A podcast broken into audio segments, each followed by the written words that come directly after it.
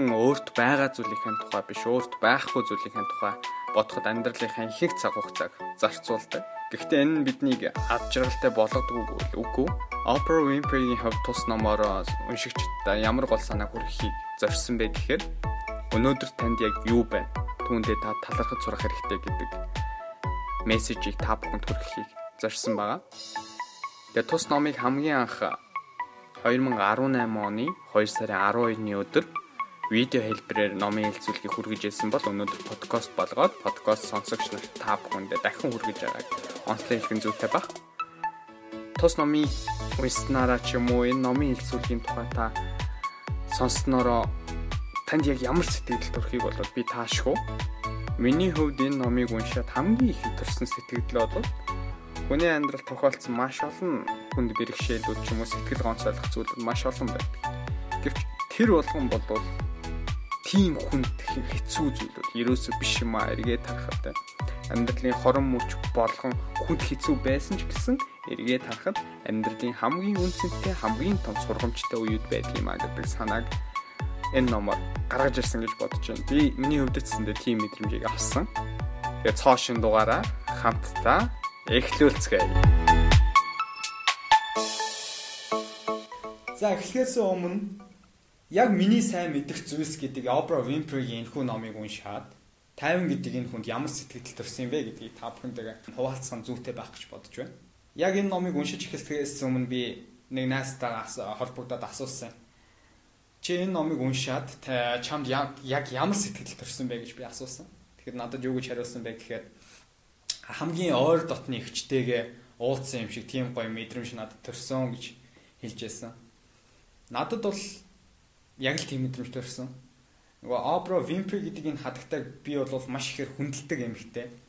Хамгийн анхны өнгө тарстай тэр бүмтэн эмэгтэй гэдгээр нь та бүхэн маш сайн мэднэ. Маш хүчрхэг эмэгтэй. Тэгэд энэ хүний зүгээр өөрийнх нь өнөөдөр амьдралыг туулсан энэ 60 гаруй жилийн хугацаанд өөрийнх нь туулсан үзэж харсан зүйлүүд дээрээс үндэслээд амьдралын маш энгийн зүйлүүдийг нөгөө би хамгийн ойр дотны ахтайгаа ч юм уу хамгийн ойр дотны эгчтэйг нэг ярилцаа суудаг да асуудал гарах юм бол тэр асуудлынхаа хүрээнд хоорондоо ингээ ярилцахад нэг халуун дотн нэг ойр дотны хүнтэйгээ ярихаар бид нар нин үгүй ярьдаг да тэрнтэй адилхан бид нарт тийм нэг чин сэтгэлээсээ дотроосоо гоё зөвлөгөө өгсөн юм шиг тийм ном болж чадсан гэдэгт би бол итгэлтэй байна. Тэгээ та бүхэнсээ уншиж үзсэн хүмүүс байгаа бол сэтгэлээ энэ комент байдлаар илэрхийлээрэй гэж хүсмээр байна. Уншаагүй хүмүүс байх юм бол энэ хүн номыг уншиж үзээрэй гэж та бүхнээс хүсэж байна. За анх Oprah Winfrey энэ миний сайн мэдэх зүйлс гэдэг энэ номоо яг чухам юунаас үндэслэж бичгээр болсон юм бэ гэдэг санаа яваад. Тэр санаанууд бол 1998 онд хожимо Chicago Sun Times гэдэг газрын одоо нэртэй шүүмжлэгч Jenny Siskel гэдэг эрхэм одоо Bellwood гэдэг одоо Oprah-гийн өөрийнх нь киноны тухай та энэ Bellwood гэдэг киноныхаа тухай телевизэн шууд нэвтрүүлэгт орооч ээ гэж хүссэн байна л та. Тэгээд Oprah зөв зөвшөөрөө телевизэн шууд нэвтрүүлэг нэвтрүүлэг тавьж очиод орсон. Тэгээд ярилцлага нэлээд халуухан болоод явжсан а хөтлөгчийн хувьд Oprah-гаас нэгэн асуултыг асуусан. Чиний хамгийн сайн мэдих зүйл чинь юу вэ гэж Oprah-гаас асуусан. Тэгэд Oprah нөгөө асуултыг ингээд бодож байгаа асуултаас нэгэсэнд жоохон зүхтах маягтай А та яг миний киноны хувьд ярьж байна уу? Би яг өөрийнхөө киноны хувьд хамгийн сайн мэдэх зүйлс нь юу вэ гэж юу гэж асуусан чинь хөтлөгч та яг миний юу асуугаад байгааг бол хэд бол мэдж байгаа гэж найдаж байна. Би зүгээр та энэ амьдралынхаа туулсан амьдралынхаа туршид өөрийнхөө хамгийн сайн мэддэг зүйл чинь юу юм бэ? Та юу гэж бодож байна? Түүнийг үзэгч сонсогчтойгоо хуваалцаач гэж Оброгоос үссэн. Тэгээд Оброг хэсэг бодс хийж аваад уучлаарай энэ асуултанд хариулахын тулд би бодох ёстой байна гэдэг хариултыг бол хэлсэн байдаг юм байна. Магадгүй Опра яг энэ асуултыг асууснаас хойш өөрийнхөө 16 жилийн турш амьдралаа 16 жил бүхэл бүтэн 16 жилийн амьдралаа энэ асуултыг хайхад энэ асуултыг хайхад зориулсан тэр аялалд өөрийгөө зориулсан байд юм байлээ. Тэгэхээр 16 жил нэгсэндээ зөвхөн миний хамгийн сайн мэдих зүйлс юу юм бэ гэдэг энэ төлөө өөрийгөө нээхийн төлөө энэ амьдралын аялалд бол гарсан гэж ойлгож болно. Тэгээд энэ номынхаа их өмнөх үгдээр нь хэлсэн байдаг та яг өөрийнхөө хамгийн сайн мэдих зүйлийг олохын тулд энэ том аялалд гараарай. А магадгүй та энэ аялалд гарсан цагаас эхлээд өөрөө өөрийгөө хайх, өөрөө өөрийгөө таних тийм боломж олдохыг үүсэхгүй маа гэж Абра хэлсэн байдаг. Тэгэхээр та бүхэндсэндээ энэ үгийг сонсчоод нэр миний хамгийн сайн мэдих зүйлс юу юм болоо гэж өөр өөрөөсөө дахин дахин асуугаасаа гэж та бүхнээс хүсэж байна. 64 настай Абрагийн хувьд энэ номыг бичихэд бол маш их цаг хугацаа зарцуулсан баг. Өөрийнхөө амьдралын тэр хүн тэцүү туулж өнгөрүүлсэн зүйлүүдээс багцалж энэ хүн номоо биднэрт бидний гар дээр ингэж хүртэл болгож өгсөн болов гэж бодож байна. За тэгээд номын гол агуулга бол ийм байна. Номоо яах гэж бичсэн бэ гэдэг зорилго нь бол өөрөө ийм сонирхолтой асуултаар бол эхэлж байгаамаа. За ном бол хэд хэдэн бүлгээс бүрдсэн байдаг. За би энэ номыг уншаад миний хамгийн сайн мэдэх зүйлс гэдэг энэ ном бол амьдралын бид нар нөгөө олж харж байгаагүй амьдралын маш жижиг жижиг зүйлүүдийг тэр зүйлд өөрөө жинхэнэ аз жаргал нь байдаг юм шүү. Тэр зүйлд өөрөө хамгийн гайхалтай бүхэн шигтгэдгээд агуулгадж байдаг юм шүү гэдэг санааг бол обро илтгэсэн байна. Тэгэхээр хэдүүлээ эхний ингээд тодорхой нэг 6 бүлэг байгаа. 6-аас 7 бүлэг байгаа. Бүлэг болгон дээр хэдүүлээ товч товч ингээд яриад яриагаа үргэлжлүүлээд явъя гэж байна. За, эхний бүлэг байгаа. За, эхний бүлэг бол баяр баясгалан гэдэг бүлэг байгаа. Номын баяр баясгалан гэдэг энэ бүлгийн хамгийн эхний нэг сонирхолтой шүлэг байдаг. Та тэр шүлгийг та бүхэнд нэг хоёрхан мөр. Гэхдээ би энэ шүлэгт бол маш их дуртай. Тийм болохоор энэ шүлгийг та бүхэнд уншиж үзье. Өгье. Эргэлдэн бүжих эсвэл сууж үлдэх сонголт байвал эргэлзээгүй хөгжин бүжигт бүжин гэдэгт чинь итгэлтэй байна гэдэг хоёрхан мөр байгаа да. Тэгээ энэ хоёр мөр нь за би дахиад хэлье. Эргэлдэн бүжих эсвэл сууж үлдэх хоёр сонголт байх юм бол эргэлзээгүй би таныг эргэлдэн бүжин гэдэгт гэдэгт тань итгэлтэй байна гэдэг энэ хоёр мөр байгаа. Энэ санаагаар юу хэлэх гээд байгаа юм гэхээр таны яг энэ байгаа цаг хугацаа, таны яг энэ байгаа өнөөдрийн энэ одоо цаг дээр л та илүү ихтер баяр баясгалан, сайхан таашаалыг илүүтэйгээр мэдрээрэй гэж хэлэх гээд байна. Өнөөдөр танд ямар боловч үнэхээр бүжгэлмээр санагдаж байх юм бол хоёр өсгийтэй готлаа, хоёр гутлаа хуутлаа тайлч идэ төл нүцгэн гараа сайхан бүжгэл. Өнөөдөр яг юуг амталмаар нь, юуг илүүтэйгээр мэдрмээр байна. Тэр болгоно яг одоо байгаа цаг хугацаанд мэдэр гэдэг санааг бол баяр баясгалан гэдэг энэ бүлгээрээ бол уншигчдаа бол хөрөхийг илүүтэйгээ зорьсон байгаа.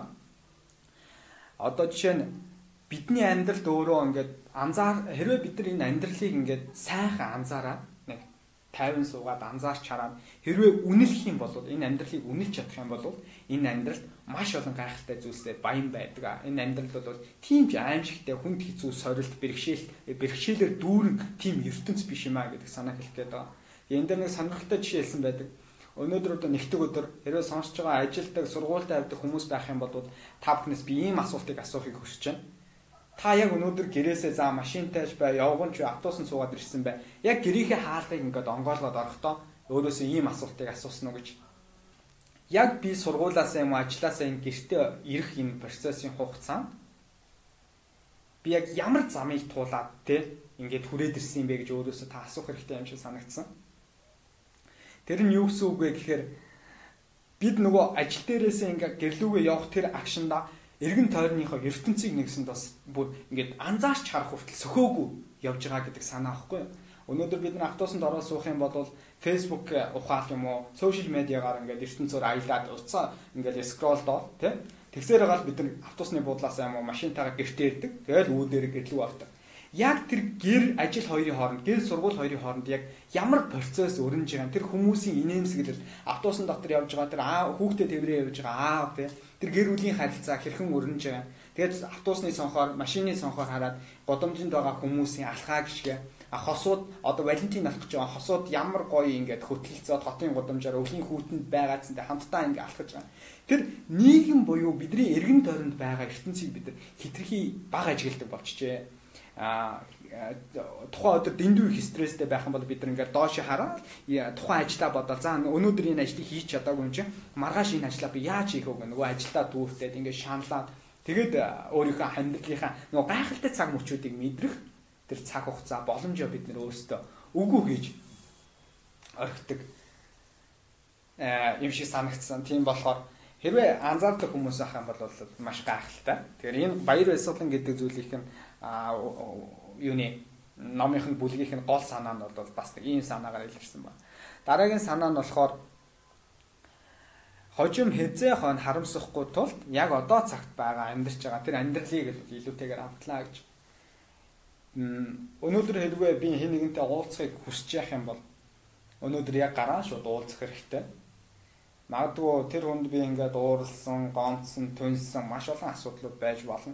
Гэхдээ хизээ нь би тэр хүнтэй тухайн цаг мөчтөл уулзах байсан да гэж харамсахынхаа оронд уулзаж үзчихэд тэгээд дараа нь үнэхээр уулзах хэрэгтэй байсан байна гэж бодвол тэр л үз. А уулзаж үзээд би яах гэж уулзваа гэж бодоод харамссан илүү дээр гэдэг процессыг хэлэх гээд байгаа. Тэгэхээр ямар нэгэн зүйлийг хийж үзмээр заавал хэн нэгэнтэй уулзах биш. Ямар нэгэн зүйлийг хийж үзмээр байгаа юм ханд та яг одоодоо төвлөрөөл энэ амьдрал чинь гэдэг бол яг одоо цаг хугацаанд л та амьдарч байгаа шүү дээ тийм ирээдүйд амьдрахгүй байгаа өнгөрсөнд амьдрахгүй байгаа болохоор хин нэгнээс хараат биш хин нэг нь намайг юу гэж хэлчих бол хин нэг нь намайг юу гэж бодох бол гэдгээс огтхон ч айхгүйгээр тэр айцтайгаа нүүр тулаад хий хий хүсэж байгаа зүйлээ яг барьж аваад хийх хэрэгтэй гэдэг санаа хэлээд байна. Тэгээ би сүүлийн нэг хоёр унссан одоо 2 3 номон дээр бол ийм нэг зүйлийг л хэлээд байгаа. За жишээ нь тайвнаа ингээд кофе шоп ч юм уу годомжинд ингээд явж байл та. Тэгээд надад нэг охин маш ихээр таалагдлаа. За би нэгсэндээ одоо ямар хөөрхөн бүсгүй ямар хөөрхөн охин бэ нэгсэндээ сэтгэл маань маш ихээр догтлж байна гэж ойлгож байна. Тийм бол би нэг зүг процессыг ойлгосон. Хэрвээ надад үнэхээр их таалагдж байгаа бол би шууд гүйж очиод уучлаарай та маш ихээр надад таалагдж байна. А тантай би хэсэггүй хугацаанд 30 минут юм уу цаг хамтдаа кофе уугаад сууж болох уу ч гэдэг юм уу энэ нөхцөл байдлыг алдахгүйгээр тэр цаг хугацаа дахиж хизээш бидэнд тохиолдохгүй шүү дээ. Тэр үнтэй би дахиж таанаач үгүй гэж. Тэгэхээр энэ бол зүгээр нэг харилцааны процесс байхгүй. Тэгэхээр тэр хүний би ингээд үерхэх, нөхөрлөх биш зүгээр тэр хүн надад зүгээр таалагдсан байхгүй. Тэгээд тэр хүнтэй 30 минут юм уу цаг л зүгээр ярьж суухыг хүссэн. Амьдралын хамгийн баялаг зүйл нь өөрөө энэ юм шиг надад санагддаг. Тэгээд би сүүлийн үе зүгээр ойлгосон зүйл тэр үнэхээр надад таалагдсан хэн нэгэн байх юм бол би шууд дахиж очиод уучлаарай та надад маш их таалагдаад байна. Тантай 30 минут. Би зүгээр тантай 30 минут кофегоор дайлал хамтдаа ярилцахыг л хүсэж байгаа байхгүй. Тэр хүний юу боддог, тэр хүний дотоод хүн яг хин юм бэ? Тэрийг л мэдрэхийг хүсэж байгаа процесс. Өөр зүйл л байхгүй. Тэгэхээр сүүлийн сонсож байгаа номнууд, подкастуудын хувьд бол энэ нэг энгийн хэрнээ ч юм уу зүгээр тухайн цаг мөчтөө заавал үнийг ашиглаарай ч гэдэг юм уу тэр цаг хугацаа дахин ирэхгүй гэдэг санааг бол илэрхийлээд байна. Дараагийн зүйл нь болохоор амьдралыг амтал гэдэг. За энэ мөн л яг яг одоо цаг дээр л бид нар амьдралыг яаж хэрхэн таашаа амьдрах вэ гэдэг. Бид нар дэндүү амттай хоол идэхээр ягддаг бол ингээд арааны шүлс асгарна гэж хэлдэг тийм. Ингээд шүлс асгардаг. Тэрнтэй адилхан яг амьдрал ямар амттай юм бэ гэдэг мэдрэмжийг бол бид нар их ховорхон авд юм байна л та. Би яг өөртөө ингээд асууж байгаа. Ингээд бүр хоол амттай хоол идэхээр бид нар харааны шүлс асгардаг штэ. Тэрнтэй адилхан амьдрал ямар амттай юм бэ гэдээ өөрөө ирэхгүй бүр ингээд дотроо сэтгэл ингээд догтлон мөчүүд бидэрт одоо их ховорхон болж эхэлж байгаа юм шиг санагдсан. 50-аагийн хувьд. Тэгэхээр тэр догтлыг өөрөө өөрөө өөрөө өөртөө байнга бий болгож байх хэрэгтэй юм шиг байлаа. Догтлол гэдэг маань өөрөө нэг талаасаа баяр баясгал нь хүн догтлохоороо маш гоё энерги өөрөөс нь ялгардаг. Хүн ингээд нэг өөрөө ирэхгүй ингээд нүүрэнд нь гоё инээмсгэл тодордог. Тэгэхээр догтлолоор өөрийнхөө амьдралыг байнга ингэж үдэж, тордож тэгээ тэр болгоныг амталж явах юм бол амьдрал ямар их баяр баясгалантай зүйлээр дүүр юм бэ гэдгийг хүн анзаарч харах боломжтой байна. За тэгээд Oprah Winfrey-ийн хувьд бол өөрийнх нь хийдэг өдөр тутмын амьдралынх нь хийдэг нэг дуртай зүйлүүд нь гэх юм бол маш энгийн энгийн зүйлүүд байна Зүгээр л ингээд орон дээр явган суугаад ч юм өвдгөө нугалт суугаад өөрийнхөө хамгийн дуртай номыг барьж аваад яг халуун кофетээс уншаад сууж байгаа тэр үйл явдал бол миний хувьд бол яг диважинд очсон юм шиг санагддаг. Тийм мэдрэмжийг надад өгдөг гинэ. Опрагийн хувьд. Тэгээд Опрагийн хувьд бол ногоо тарих сонирхолтой. Тэгээ багаасаа нөгөө Mississippi мужид өөрөө төрж өссөн болохоор тэр тухайн үед өөрийнх нь гэр бүл нь бол өөрийн хашаанда багахан хэмжээний хүлэмжтэй. Тэгээд өөрөөсөө ногоогоо тариа Тэг шинэ ургац ногоо иддэг байсан. Тэгээ опера тухайд юу гэж боддог байсан бэ гэхээр аа яагаад бид нар ингээ бус дайш шиг дэлгүүрээс ногоогоо худалдаад авчиж болдгоо болоо гэж опера боддог байсан. Тэг бид нар ядуу болохоор л ингээд өөрсдөө ногоогоо ингээ тарьж байгаа юм болов гэдэг опера тухайд боддог байж л тээ. Тэгээд опера яг номыг ингээ бичиж бичиж явах хугацаанд юу гэж хэлсэн бэ гэхээр тухайн үед би зүгээр өөрөөсөө тийм ядуу байдлаас ичсэндээ би тийм бодолтой байдаг байсан байж магадгүй. Гэтэл бид нар өөрийнхөө гараар тарьж ургуулсан ногоогоо өөрийн гараар тарьсан ногоогоо ингээд өөрийн ширээн дээр авчираа шинэ нурцын ногоо идэнэ гэдэг бол ямар их хувь тохиол гэдгийг бол би одоо одоо л ойлгож байна. Тэр баг насны эмээгийнхэн тарьж өгсөн тэр ногоог идэнэ гэдэг. Тухайн үедээ бол эмээгийн тарьж өгсөн тэр ногоог идэнэ гэдгийг бол тэр ад жаргалыг тэр таашаалыг бол обрагийн бол мэдэрч чаддгүй байсан байна л да. Тэгээд хожимо өөрөө ногоо тариад өөрийнхөө гараар тарьсан ногоог ингээд идэж явах үедээ бол түүнийг дурсаж ингээд магтаж хэлж байгаа. Тэгэхээр бидний амьдрал маш олон гайхалтай зүйлүүд мөчүүд алхам тутамд байдаг. Хэрвээ бид нар түүнийг жоохон чив чимээгүй болоод анзаарах юм бол тэр гайхалтай бүхэн бидрийг ингэ тойрон хүрээлж яадаг аа гэдэг санаа байгаа.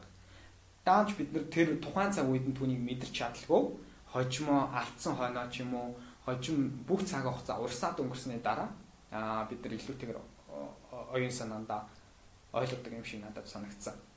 За дараагийн э, хэлэх гээд байгаа зүйл нь Оброгийн хувьд бол их унших дуртай байсан. Тэгэд Обро за яг Оброгийн би зүгээр нэг амьдралынхын товч намтрын тухай энэ Обро Вимпри гэдэг хүн яг ямар амьдралыг туулаад өнөөдрийн том өндөрлөгт гарсан юм. Миний хамгийн хайртай бас хүүчүүдийн нэг хамгийн хайртай хүндэлдэг хүмүүсийн маань нэг Оброгийн хувьд. Тэгэхээр Обро гэдэг энэ хүн бол 1954 онд тухайн үед бол хар арьстай хүмүүсийг бол маш ихээр ялгуурлан гадуурхдаг тийм хүнд нийгэм байсан. А Миссисипи мужи нь өөрөө тухайн үед хамгийн их хар элстэй хүмүүсийг ялгуурлан гадуурхдаг тийм хүнд нөхцөлтэй муж байж л та. Оброгийн хувьд хүсээгүй жирэмсэл э, жирэмслэлтийн золиос байсан. Тухайн үед Оброг төрүүлэхдээ аав ээж нь өсвөр насны хүүхдүүд байсан. Тэгээ өсвөр насны хүүхдүүд байсан болохоор Нэгсэндээ бол хайр дурлалаас ингээд үр хөвгт гэдэг бол хайр дурлалаас л ингээд цогцлоож бүтэх хэвээр хөгчүүд бурхны бэлэг гэж. Гэтэл тэр хоёрын хувьд бол ээж аав нь ганц удаагийн зүгээр ойртолтын үр дүндэл а хүүхэд бий болсон. Тэр нь бол хүсээгүй хүүхэд байсан. Тэгээ аав ээж нь тухайн үед өсвөр насны хүүхдүүд байсан болохоор оброг тэжээж чадахгүй шүү дээ. Ойлгомжтой. Тэгээд аав ээж нь бол суунч гэсэн хоорондоо бодлого бие биедээ баг хайргүй хүүхдүүд байсан. Тэгээд өсвөр насны алдаанаасаа болоод тэгээд жирэмсэн болцсон.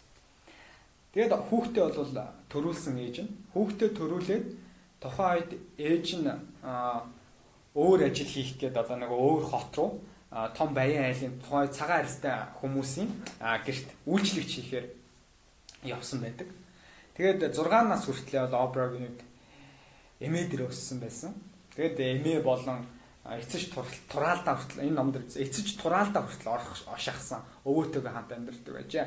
Тэгээ 6 нас хүртлээ бол өөрийн гэсэн ямар нэгэн дайшин өмсөж үзээгүй өөр хос гутал хүртэл хөлөндөө өмсөж үзээгүй тэгж өссөн хүүхэд гэж. Тэгтээ бол их сэрэг толгойтой хүүхэд байсан. 3 настайдаа аль хэдийн уншаад сурцсан. Тэгээ 5 настайдаа хүртэл бичээ сурцсан. Багасаа их сэргэлэн ой тогтоол цайтай тийм бусдаас их өвөрмөц хүүхэд гэж эмээ нь бол онцолж хэлдэг байсан. Тэгээ 6 настайдаа цэцэрлэгт ороод хамгийн анхны дайшин за хамгийн анхны гутлаа болоод өмсөх тийм боломж бол олдож байсан гэж Обра өөрийнхөө намтар дээр бол бичсэн байдаг. За тэгээ 9 нас 6 настайгаас хойш бол ээж дээр очиж амьдарч байгаа. Тухайд ээж нь бол өөр хүнтэй суудсан байсан. Тухайн хойд эцэг нь өөрөө хоёр хүүхэдтэй. Тэгээд Обратай нийлээд ингээ гурван хүүхэдтэй, эцэг ихтэй ингээ тавуул амьдарч байгаа. Гэхдээ бол хойд эцэг нь шүү дээ амьдралынх нь хамгийн хүнд хэцүү буюу хар тол бүлдээс нэгэн дурсамж нь хэдэн наснд нь тохиолдсон бэ гэхээр 9 наснда тохиолдсон. За тэр 9 нас нь хамаатныхаа одоо нэг үеэлдээ хүчин төлсөн. 9 настай хүчүүд. А тухайн үед Обраг ингээд хүчинтчээд тухайн өдөр авч яваад ингээл зайрмаг авч явбал тоглоомын талбайгаар яваад нөгөө өөр хин нэг нь бити хэлээрэ гэж тэр жоохон хүүхдийн сэтгэлийг нэгсэнд хуурч байгаа юм л. Тэгээ 9 наснда тийм жоохон хөхөд хүчин дүүлнэ гэдэг бол өөр аимшигтай. Тэгэд ийм зүйл бол одоо нийгэмд бол дэлхийд дахинд бол хаасайгүй байгаа.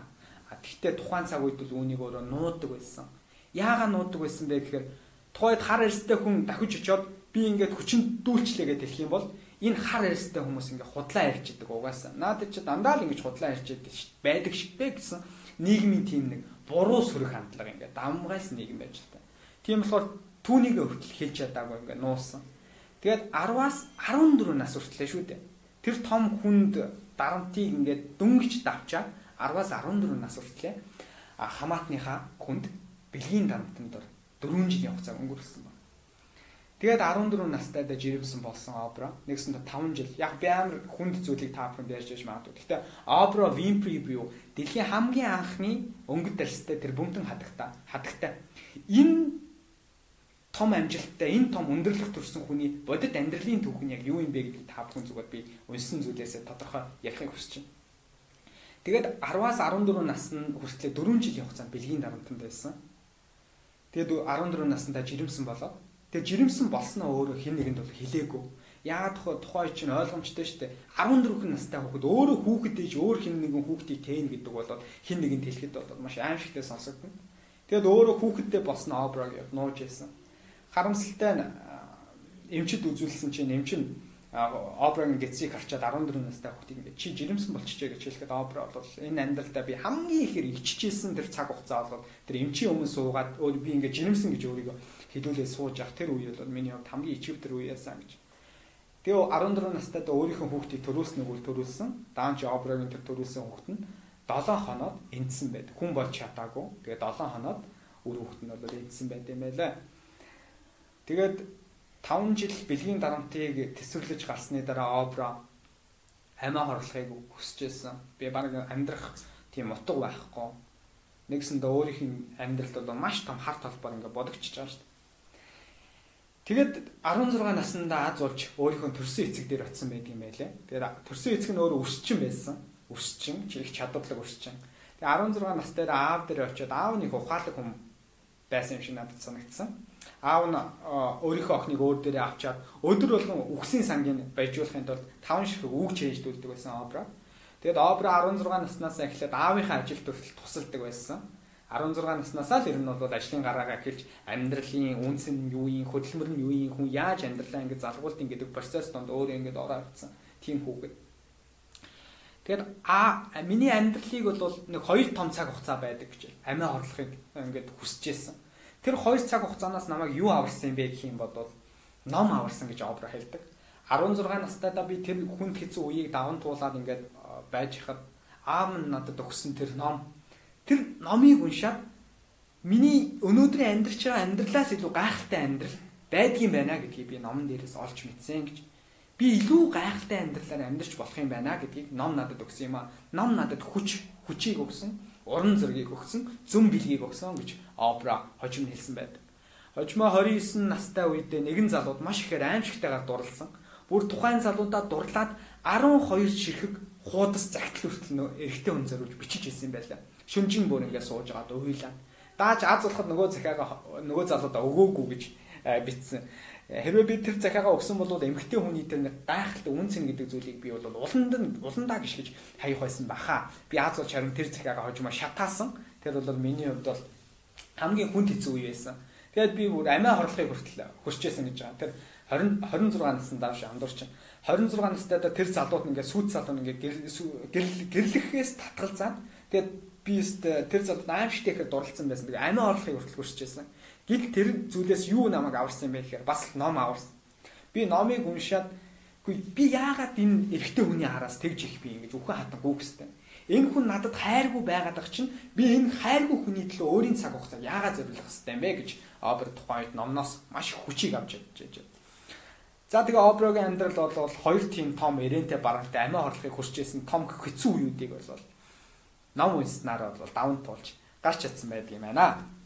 За эхний бүлэг бол нэгсэн да иймэрхүү сонирхолтой сонирхолтой баяр баясгалан гэдэг зүйлүүдийг бол та бүхэнд илүүтэйгээр өгсөн. Тийм сонирхолтой бүлэг байгаа та бүхэнд уншиж үзээд аа бас яг миний яриад байгаа зүйлээс илүүтэй бодит зүйл рүү ороод илүү энэ номыг таашаа амтлаасаа гэж үсэж байна.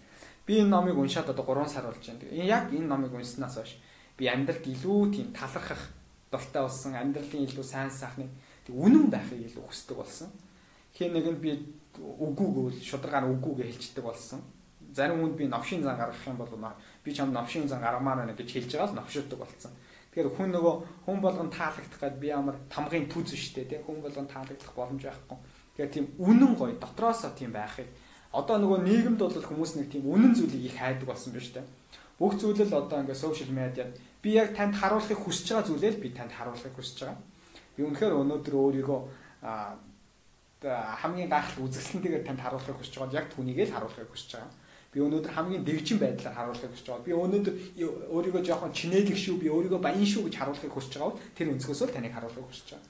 Тэгэхээр нийгэм өөрөө ийм болоод ирэхээр хүн өөрөө үнэн зүйлийг хайж эхэлт юм байна. Иргэн тойрон бүхэн өөрөө тийм худал зүйлсээс ингээд дүүрээд эхлэхээр жоохон хиймэл зүйлсээр дүүрээд эхлэхээр хүн өөрөө үнэн зүйлийг хайж эхэлт юм байна гэж би бодсон. Тэгэхээр энэ номыг унснараач тэр надад бол яг тийм л сэтгэл төрсэн. Хүн амьдрал илүү талархах хэрэгтэй юм байна. Тэгээд үнэн байх хэрэгтэй. Би муу цаанч муу зүйлээ нэг нүгөө харуулад үнэ үнэхээр би дутагдaltaй тал байх юм бол тэр зүйлээс ингээ харуулаад үнэн байгаасаа гэж та бүхнээс бас хүсмээр.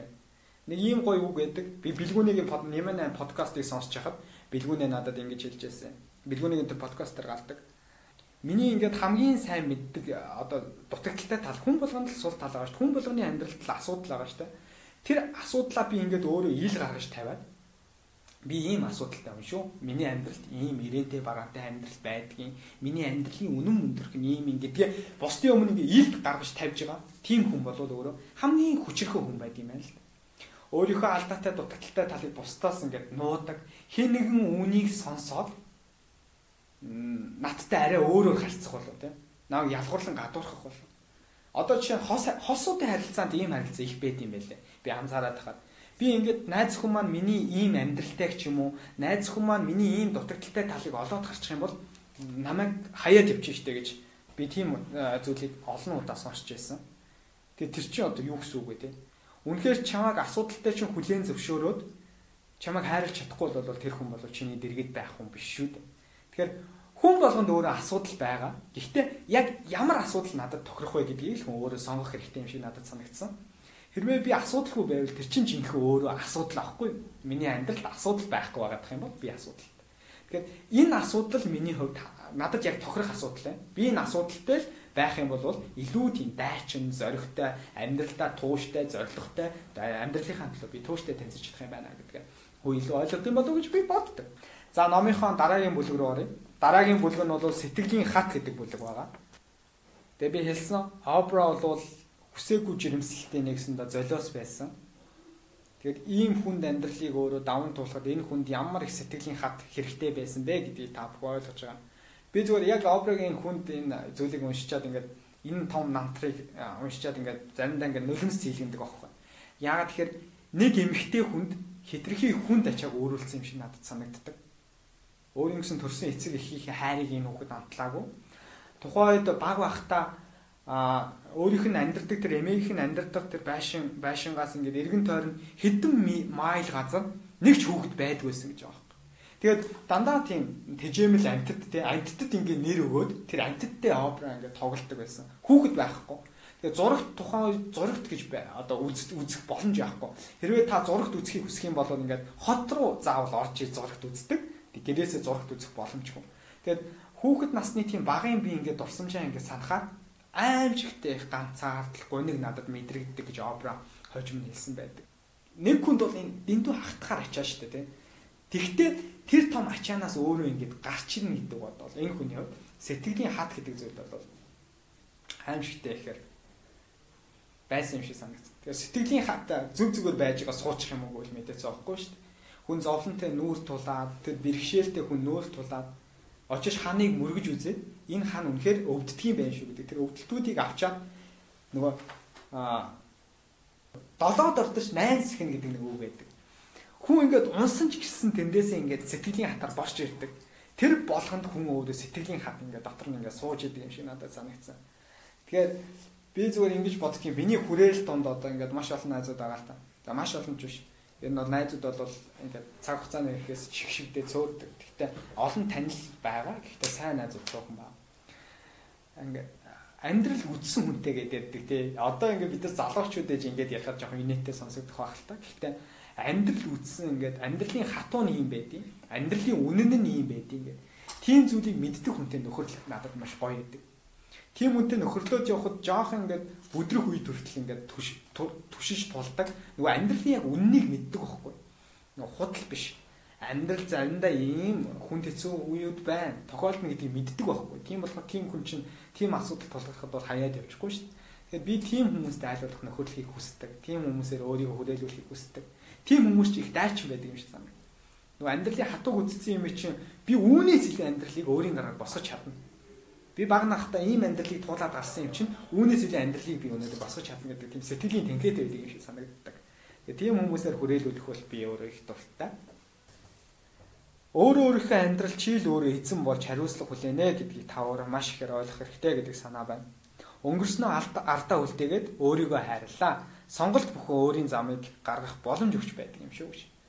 Өнөөдөр хүнд хэцүү амьдрал байж болно танд. Үнэхээр бэрхшээлтэй. Гэхдээ та шинэ өглөө ингээд болсон гутаа өглөө босоод та юу гэж бодох вэ гэхээр яг өнөөдрийг би юу хийхээ та өөрөө шийддэг байхгүй. Тэр нь хамгийн гайхалтай Өнөөдөр би яаж өнгөрөх үү гэдгээ та өөрөө шийдэх боломжтой. Таны гарт бүх зүйл байгаа. Нэгсэндээ та өөрийнхөө амьдралынхаа зургийнхаа эзэн нь аахгүй юу? Таны гарт ингээ харандаа бариулаад ямар өнгийн бодог бариулах юм? Та тэрийг яаж зурх юм? Тэр бол таны л сонголт, танд л бүх зүйл нь байна гэж ойлгож байна. Тэгэхээр өнгөрсөндөө шаналлах биш, ирээдүг хэд төлөвлөөд би тэдэн жилийн дараа тийм байна гэж өөрийгөө шахах биш. Яг одоо цагтаа илүү төвлөрөөд одоо цагаа илүү хайрлж амьдраасаа гэдэг санааг бол энд хэлсэн байнамаа. Амьдрал цаад болох бэрхшээлтэй нүүр тулаа. Та энэ цаг мөчтөл амьсгалж энэ цаг мөчтөл тесэн гарч илүү өндөрт гарах болно гэдэг санаа. Хэрвээ асуудал танд ингээд тулгараад том саад бэрхшээл тулгарх юм бол та өөрөө өөрийнхөө амьдралд та өөрөө эзэн болно шүү дээ. Хинч таны амьдралыг өмнөөс чи авч явахгүй. Тэрийг бол та бүхэн сайн мэдж байгаа. Тийм болохоор би өнөөдөр амьдралдаа ямар нэгэн шийдвэр гаргаад алдсан бол би өөрөө л тэр хариуцлага хүлээх хэрэгтэй. Өөрөө өөрийнхөө амьдралд эзэн болно гэдэг бол надад маш гоё юм шиг санагддаг. Хариуцлагатай хандна гэсэн үг дээ. Би өөрөө л амьдралаа босгох ёстой. Өнөөдөр алдсан цэндээ амьдралдаа буруу зүйл хийсэн ч гэсэндээ би өөрөө л хариуцлага үүрээд явчихъя гэдэг санааг бол Обрагийн хувьд хэлсэн баа. Тэгээд би хэлсэн Обрагийн хувьд 10-аас 14 наснда аа тэгээд 9 нас буюу 5 жилийн хугацаанд бэлгийн дарамтанд буюу хүчирхийлэл дунд амьдарч явах энэ цаг хугацаагаар үндэ бол нууж хийсэн маш олон жил сэтгэлдээ нууж явсан. Гэвч өөрийнх нь хамаатных нь нэгэн хүн үхэхээс өмнө шар сонинд Обрагийн баг насндаа ингэ жирэмсэн болж 14 хүн наснда жирэмсэн болж ирсэн. Тэр хүнд хийсэн амьдралыг ингэ туулж ирсэн. Тэр болгоны өөрөө шар сонинд дэлгэцсэн байсан.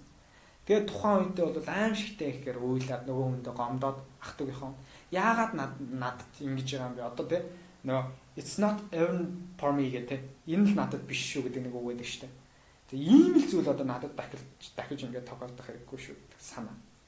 Тэгээд Opera а яг шинэ 7 хоногийн нэгтгэх өдөр болонгот нөгөө шар мэдээ гарцсан байгаа шүү дээ. Тэгэд хүмүүс намайг хэрхэн хүлээж авах болоо гэж маш том айцтай байсан.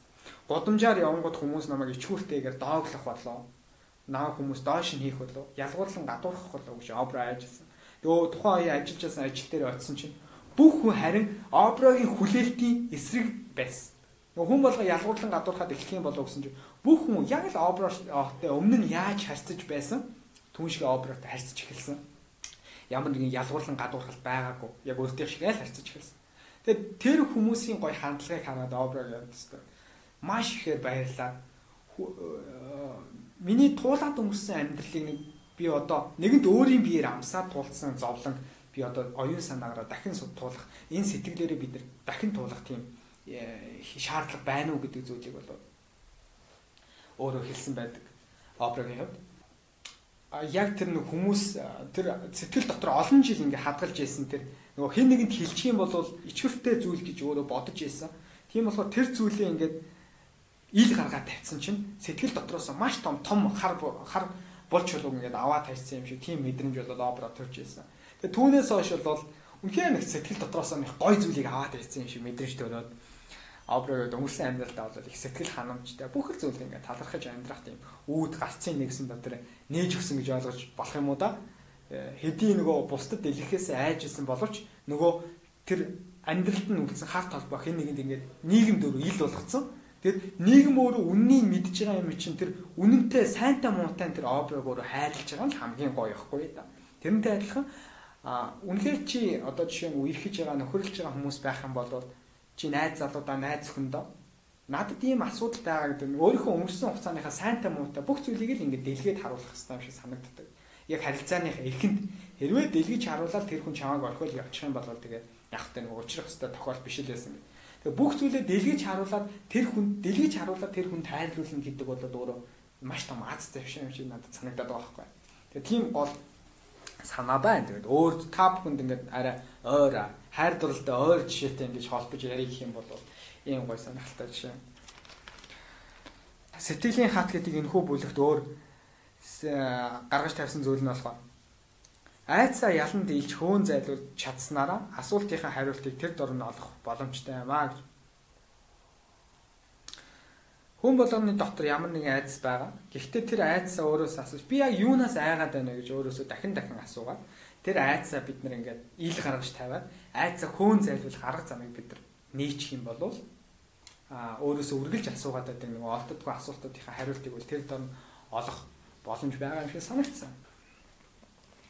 За энэ номын дараагийн хэсэг нь болохоор 1977 онд Балтиморт хийж байсан а 6 цагийн мэдээний нэвтрүүлгийн ажилласаа хэрвээ Опрагийн халагдаагүй бол тухайн нэвтрүүлгээс халагдаагүй бол өнөөдөр Опрагийн шоу гэдэг том ярилцлагын шоуг бол Опра хийж санаачилж хийхгүй байсан байх гэж Опра хэлсэн байдаг. Тэгэхээр амьдралд өнөөдөр нэг хаалга хаагдаад нөгөө хаалга болоод үргэлж дээгддэг.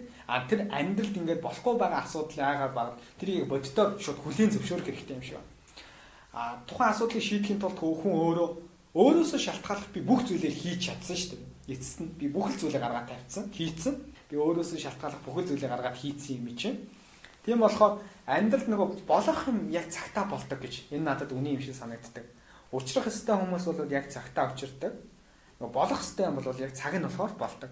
А тэр харин болох зүйлийг болохын тулд чи өөрөөсөө шалтгааллах бүх л зүйлээ хийх хэвээр бүх л хүчээ бол гаргах хэвээр юм шиг санагдсан. Тэгэл тайван сууж тий а болох хэвээр юм бол цагийн ихээр бол болно гэдэг ийм санаа байгаа. Тэгээд би нөгөө манай Батөргөл найзын санал болгосон нөгөө Three Idiots би 3 тэнэг гэдэг киноны голдрын залуу бол бас ядуу гаралтай тийм залуу байхгүй. Тэр залуу болохоор тэгээд маш ухаантай.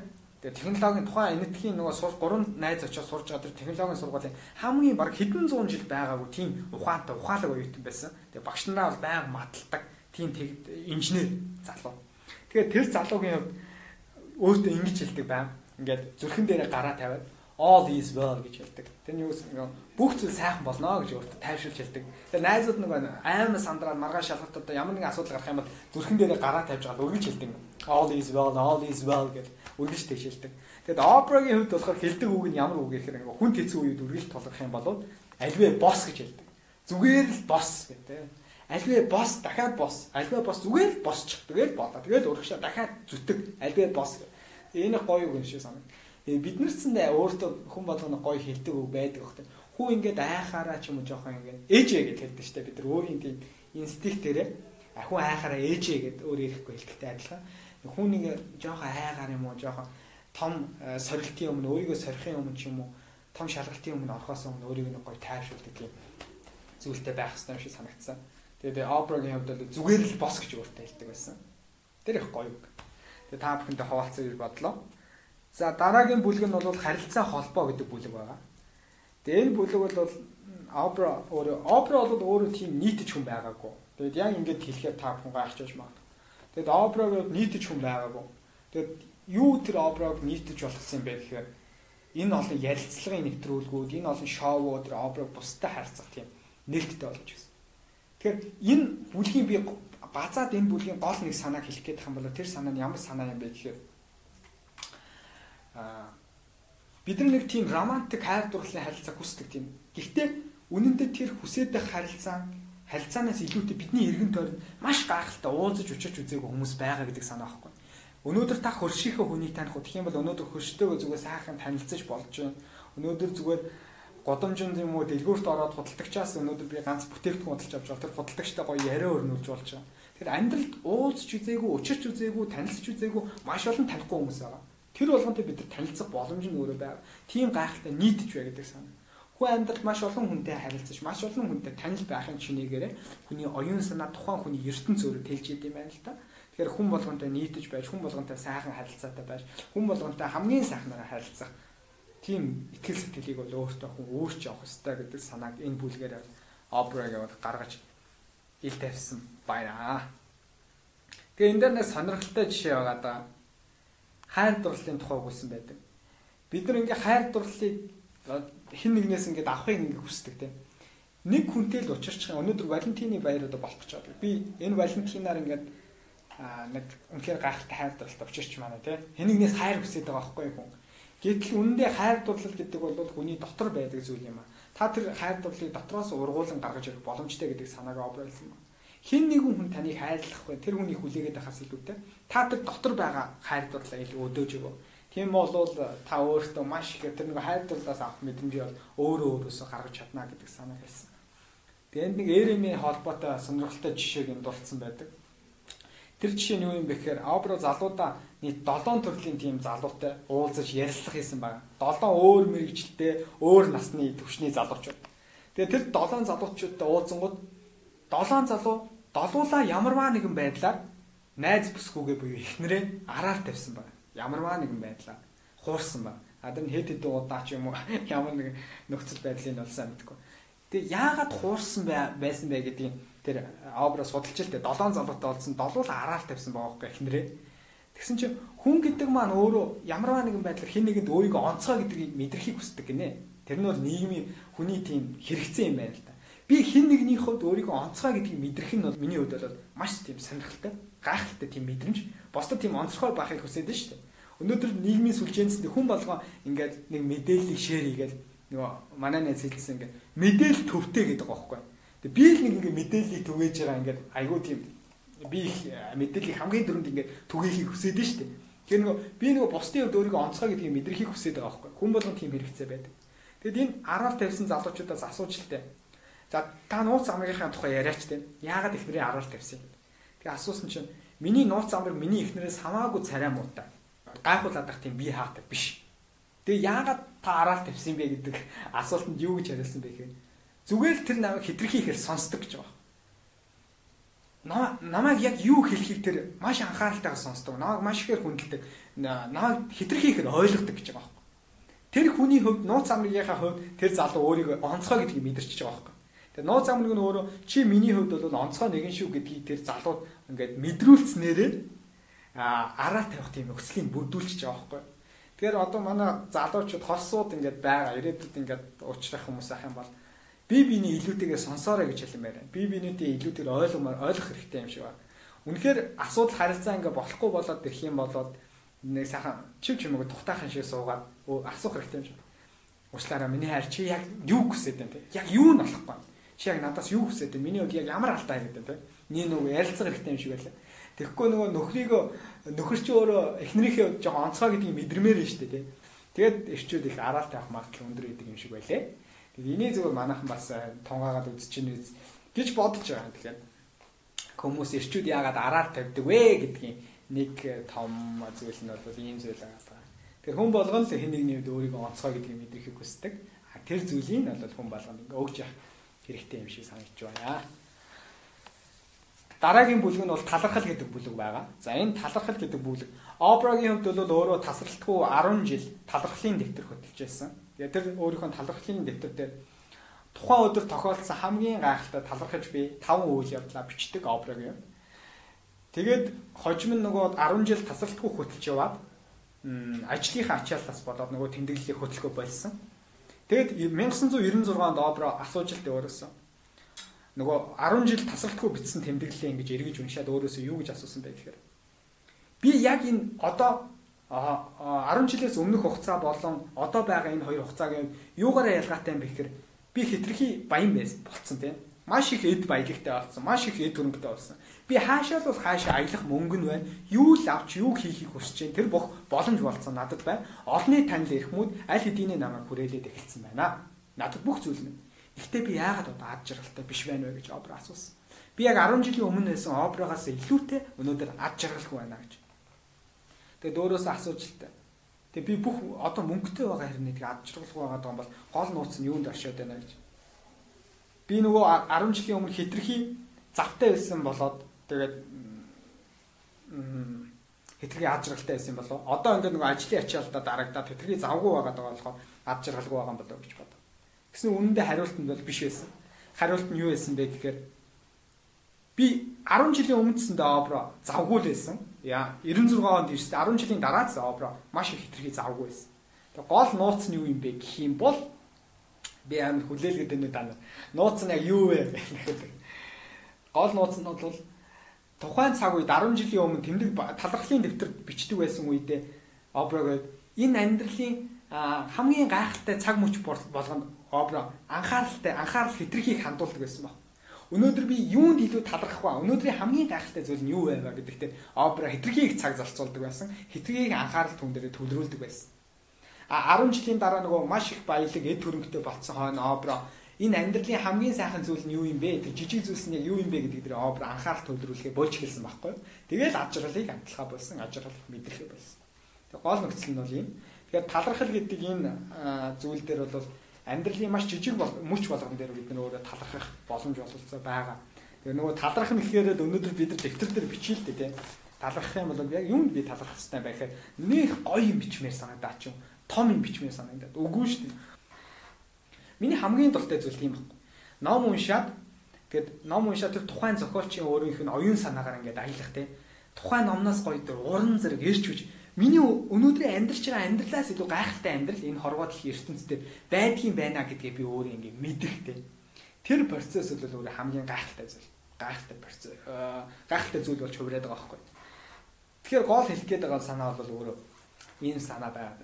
Тэгээд Оброгийн хэлэх гээд байгаа дараагийн гол санаа бол баярлаа гэж хэлж байгаа. Өөрт нь хамгийн хүнд хэцүү үе ч юм уу хамгийн үнэхээр тэр дурсамжийг эргэж бодохоор л тийм аимшигтай гонигтай мөчүүд ингээд сэтэрдэг гэсэн тийм зүйлийн дараа баярлаа гэж хэлж байгаа. Баярлаа гэж хэл. Ямар нэгэн зүйл бол чамд ямар нэгэн дохио өгөхөр ч юм уу ямар нэгэн тохиолдол бол чамд ямар нэгэн байдлаар дохио өгөх гэдэг шинж гэж хэлдэг юм байна л да. Магадгүй тухай дэндүү хүнд хэцүү байсан баг. Үзэн ядмаа яагаад заавал надад ингэж амьдрал ингэж хатуурхаж байна вэ гэж бодмоо тийм хүнд үед хүнд байдаг баг. Гэхдээ энэ бүхэн урсаад л өнгөрдөг. Цаг хугацаа бол хамгийн ичэдтэй. Цаг хугацаа урсаад л гэдэг. Тодорхой хугацааны дараа бид нар ард гарсны дараа харин тийм хамгийн хүнд хэцүү мөчүүд бидэрт хамгийн том үнэн төлбөрөөгөө хичээл болж өгдөг л хамгийн гайхалтай гэдгийг хэлэх гээд байна. Тэгэхээр тэр цаг мөчүүд өөрөө өөртөө талархах хэрэгтэй юм шиг байлаа. Тухайн цаг мөчид хамгийн хэцүү байсан хэрнээ бүх зүйл урсаад л өнгөрсөн. Бүх зүйл ард нь гарцсан хамгийн сайхан мөчүүдийн ард гарцсан. Өнөөдөр би магадгүй би тийм хүнд хэцүү мөчүүд мөчүүдийн үр дүнд би өнөөдрийн хүнийг бүтээсэн байхыг үгүйсэхгүй шүү дээ. Тэр хүн болгон бас байгаа бүхэндээ өөрөө талархаж амьдралд баярлаа гэж хэлэх хэрэгтэй болов уу гэж бодож байна. За тэгээд зүрхээ хайрлж яваарай гэж та бүхэндээ хэлхийг хүсэж байна. Обрагийн хувьд энэ зүрхээ хайрлж яваа. Нөгөө амьдралтын би нэг өглөө босоод яг яг энэ номыг уншичаад би нэг өглөө босоод ингээд зүрхэн дээр гараад дараа та бүхэн ингээд нөгөө зүрхнийхээ цохилыг бид нар мэдэрдэн шүү дээ. Яг одоо байгаа хоол ингээд зүрхэн дээр гоо цогцолтой та бүхэн ингээд мэдрээсэй гэж хүсэж байна. Бидний зүрх өглөө болгон магадгүй бид нар ингээд сэрж байгаа. Энэ зүрх маш их ачаал авч байгаа. Бидний өмнөөс маш ихээр ажиллаж байгаа байхгүй зүрх. Бидний тайрах, ээлэг, нойр, булчирхай бүхэл зүрийг хүчил төрөгчөөр хангаж байгаа бидний зүрх өөрөө дэндүү их ачаалж байгаа. Зарим үед бид нар маш ихээр ууралдаг, бохинддаг, ажлын стресс авдаг. Тэр болгоныг миний зүрх өөрөө хүлээж авч байгаа байхгүй юу? Тэр том ачаал. За зарим өглөө нэг сайхан босоод ажилдаа явахаас өмнө зүрхэн дээрээ гараа дараа зүрх чамдаа баярлаа гэх. Өнөөдрийг хүртэл намайг ингээд амьд байлгаж байгаад өнөөдрийг хүртэл эрүүл сарвал энэ бие махбодыг та авч явж байгаа зүрх чамдаа баярлаа гэж хэлэх ёстой юм шиг санагдсан. Жоо наа заримд найз сонир санагдж байгаа. Гэтэ гоё зүрхэндээ баярлалаа. Тэгээ Обрагийн гоё хэлсэн зүйл нь би ингээд төрсөн өдөр болгоноор нас нэмэх болгондоо баяртай. Тэгэд Обрагийн тэр зүйлийг уншичаад Обра юу гэж бодсон бэ? Би нас нэмэх болгондоо юу гэж баярлдаг вэ гэхээр магадгүй өнөөдрийн энэ миний насыг нас хүртэл насалж чадаагүй маш олон хүмүүс байгаа. Энэ амьдралыг туулж чадаагүй, энэ насанд хүрч чадаагүй хорвоогийн мөнх усыг үтсэн хүмүүс маш олон байгаа. Тэр өнөөдөр би энэ шинэ өглөөний нарыг харж байгаа нь ямар их хөв тохиол вэ гэж опера түн талархдаг. Тэр операгийн амьдралын мөч бүхэн талархдаг.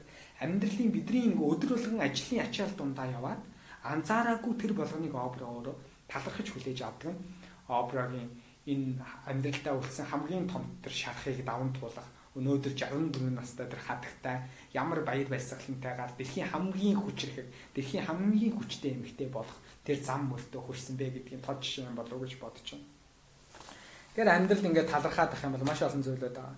Бид нөгөө амьсгалтаа хүртэл талархах хэрэгтэй юм шиг байлаа. Бидний ингээд амьсгал аваад гаргаж байгаа энэ процесс бол секундэд 170 гэлөө А ямар ч нэг цагт 17 мянган удаа бидний амьсгалаа аваад гаргаж байгаа юм процесс ингээд хийд юм байна л да. Гэтэл бид нэг цагт 17 мянган удаа хийдэг гэхээр амар том тоо сонсогдож байгаас гэхдээ бид нар түүнийг анзаардаггүй. Тэгэхээр ингээд заримдаа бүх ажилласаа ингээд хойш нь тавиад өөрийгөө нэг тусгай орчинд аваач нэг бүх зүйлээ хаяад гоё өөж амьсгаа авах хэрэгтэй юм шиг байлаа. Гүнзгий амьсгаа аваад тэгээ ингээд би сэтгэлээ ингээд бүр ингээд маш гоё бай байсгалантайгаар өөрийнхөө ингээд биеийг гоё дүүргээд эргүүлээд айж манай амьсгалаа ингээд удаанаар гаргах хэрэгтэй юм шиг санагдсан. Тэгэхээр энэ амьсгалчин гэдэг маань өөрөө хүртэл дэндүү гоё дэндүү гоё мөч гэж санагдчих байна. За тэгээ дараагийн бүлэг нь бол боломж бололцоо гэх бүлэг байгаа бишрэл гээд хүн хүч чадал гээд ийм хөө нөхөө сонирхолтой бүлгүүдээр бол ном маань үргэлжилдэг. Би энэ номыг хүн болгоныг уншаасаа л гэж хүсэж байгаа. Бид нар амьдралд хэтэрхий их талархаж амьдралын гол мөн чанар нь юу юм бэ гэдгийг хүн болгон ойлгочих юм бол энэ нийгэм яг нэг жоохон хүүхэд жоохон хүүхэд нэг гинэн цайлган байдаг да. Хин нэг нь муу сандаггүй, хин нэг ингээ үзэн яддаггүй. Тэгээд энэ номыг уншсанаар хүн болгоныг амьдралд гоё талархаад амьдралын үнэн мөн чанарыг ойлгочих юм бол тийм хүмүүсээр гоё ингээд дүүрэх юм шиг надад санагдаад байгаа байхгүй. Тэгэхгүй одоо нөгөө өнгө мөнгөний хорвоо бол хитрхийн ноёлоод байгаа. Хүмүүс нөгөө нийгэмд ингээд мөнгө илүү байр суурь эзлээд карьер эрх мэдэл эзэлсэн энэ цагт болохоор хүний нөгөө мөн чанар мөс гэдэг зүйл бол баг багаар ингээд алдагдаж байгаа юм шиг надад санагддаг. Тэгээ надад санагдаас юу болох вэ? Тайван гэдэг энэ хүнсэндээ магадгүй дотроосоо жоох эвдэгжил байгаахыг үүсэхгүй шүү. Би өөрөө анзаарахгүй байгаа нэ тэр чи өөрөө л хүн анзаарч байгаа шүү 50 ий жоох эвдэрч байна да ингэж байна да ч гэдэг юм уу. Тэгэхээр хүн бол тэр болгоно илүү хазаарлаж барьж явах хэрэгтэй юм шиг надад ингээд санагдсан. Хэрвээ та бүхэн нөгөө ясны хорт авдартай 26 настай илүү эмэгтэйг нэг загтлуулсан шүү дээ. Үххийн өмнө битсэн гэдэг. Тэр загтлыг уншичаад би бол нэрээ би яг юуны төлөө амьдраад байгаа юм бэ? Өдөр болгон ингээд ажлын ячаал гээл мөнгөний төлөө ингээл хараараас нь яг зөвлөлтөө би амьдралаа авчихын тулд хүн зүтгэх хэрэгтэй. Гэхдээ би таны ингээд битгий зүтдэг те амьдралыг таашаа гэдэг юм биш Тэгвэл тэр үйл явцынхаа дунд бол заримдаа өөртөө цаг гаргаад өөрөө өөрийгөө хайрлах, бусдыг хайрлахад илүү цаг зарцуулаасай гэдэг санаа. Өөрийнхөө дуртай зүйлийг олох гэдэг афраг юм. Тэгэхээр хүн өөрийнхөө дуртай зүйлийг олоод дуртай ажиллаа хийчих юм бол тэр нь ямар ажил вэ гэхээр зүгээр л чамд цалин өгөхгүй ч гэсэн чи өглөө 9 цагт л гүгээд ирдэг. Орой 6 хүртэл суучдаг. Чамд цалин өгөхгүй шүү дээ. Гэхдээ суудаг. Тим ажил. Хэрвээ чи тим ажиллаа олчих юм бол чамд өгж байгаа тэр цалин нөөрөө чамд урамшуул болж ирдэг тийм дуртай зүйлээ оол гэдэг санааг бол Обра Вимпри гаргаж ирж та бүхэнд хэлсэн байлээ. Тэгээд номынхон төгсгөл би нэг гоё загтал юм шиг. Тэгээд энэ загтал нь ямар загтал вэ гэхээр Обрагийн Обрагийн шоу би Обра гэдэг үг ямар хэлж байна те. Обрагийн шоуг 25 жил хөдөлж явуулсан шүү дээ. Энэ том шоуга. Тэгэд өөрөө 20 дахь жил дээрээ ирчээд за болиё гэж бодсон гэж одоо өстэй боли би үүнээс цааш энэ шоугаа явуулахгүй одоо өвлөг болчихно одоо нөгөө хүмүүс өөдчихнэ гэдэг. Тэгээ байдсан чи өөрийнх нь одоо нөгөө булчин сулалдаг өвчин гэж байдаг юм байна л да. Их ховор тохиолддог өвчин. Тэр өвчнөд 12 настай өөрийнх нь одоо шоунд хүртэл оролцож байсан тийм хүүхэд 12 настай хүүхэд обророо загтлагдсан байна. Тэгээ би тэр цагтыг тав хүнд уншиж үзүүлье. Тийм хүнд өвчтэй хүүхэд обророо загтлуулчаад тэгээ оброг дахиад 20 жилээс 5 жил сунгаж өөрийнх нь шоуг хийхэд нь хамгийн их гүн тусалцаа үзүүлсэн нөлөөлж чадсан хүн бол тэр 12 настай бяцхан хүүхэд тэр тэр бяцхан хүүхдийн захиа яг ямар захиа байсан бэ гэдэг уншиж үзүүлье гэж бодож байна. Тэгээд номын маань хэлэх гээд байгаа гол санаа бол өөрөө энэ санаа байгаа шүү. Хүндэт Абра сайн уу би байна. Мати таны залуу. Дурсгалын өдрийн баяраар гэрте харина гэж би их найдаж бас залбирч байгаа. Гэхдээ баталгаатай биш л дээ. Тиймээс олон хүнд хэлээгүй эмнэлгээс гарах болохоор л ямар нэг асуудал үүсдэг юм шиг санагддаг. Эмч нар намайг эмчилж чадахгүй л байгаа. Гэхдээ гэртээ харихыг минь зөвшөөрсөн. Санаа зовлтгүй дээ. Би гэртээ харж өөхөх гээгүй байна. Эмнэлэгт өөр эмчилгээ байхгүй учраас л би гарч байгаамаа. Эндээс гараад эдгэрч чадвал тэгхэл учиртай байж үгүй бол диважин диважин руу явах цаг минь болжээ. Үнэн дээр би энэ ертөнцид элч болж арай удаан удаан байхыг хүсдэгч Бурхны л таалал мэдэх хэрэг шүү дээ. Гэхдээ ямар тааж өмнөхөөс хамаагүй сайжирч одоо 7 хоногт ганц л удаа цус сэлбүүлдэг болсон. Хачин сонсогдож магадгүй ч биеэр минь олон хүний цус урсаж байгаа гэж бодохоор гой санагддаг юм а. Яг л хорвоод хорвоо дэлхийтэй ямар нэг сэжмээр холбогдож байгаа юм шиг бахархмаарч юм шиг. За энэ чи яах вэ? Таныг шоуга 20 жилийн ойн дээр дуусгах гэж байгааг би мэднэ. Миний бодлоор та 25 жил ботл хүлээсэн дээр байхаа. Яагаад гэдгийг тайлбарлая л да. Надад 25 гэдэг илүү утга учиртай санагддаг. ялангуяа над шиг жаахан OCD-тэй тэг шимийг чухал чухалчилдаг хүний хувьд 25 бол төгс тоо юм а. Энэ бол төгс квадрат ямар нэг зүйлийн дөрөвний нэгийг илтгэдэг. 20 гэдгээс үнэхээр ялгаатай шүү.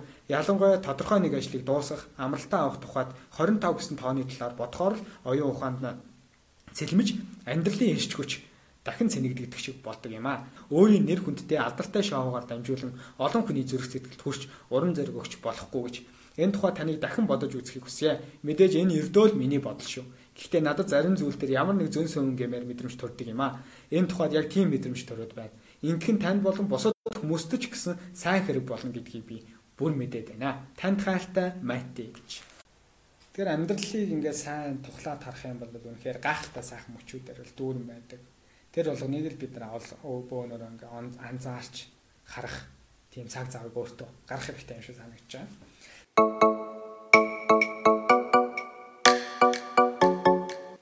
Энэ хүртэл хамтдаа байж сонссон сонсогч танд маш баярлалаа. Тус номыг та ганц удаа уншаад зогсохгүй хэд хэдэн удаа дахиж унших баха гэдэгт би итгэлтэй байна. Тэгээ Сэгэдэн подкастын сонсогчдаа юу их маш сайн мэдж байгаа. Хэрвээ энэ удаагийн дугаар танд таалагдсан бол тус подкастыг скриншот хийгээд өөрийн Instagram хаяг дээрээ намайг намайг 50 50 нацыг бэ гэсэн хаягийг меншн хийгээд сэтгэлдээ ирүүлэх боломжтой байгаа. Тэгээ дараа дараагийн дугаараар дахин уулзтлаа. Түр баяртай та бүхэндээ өөртөө хүсдэг хамгийн сайн сайхан бүгдийг хүсье.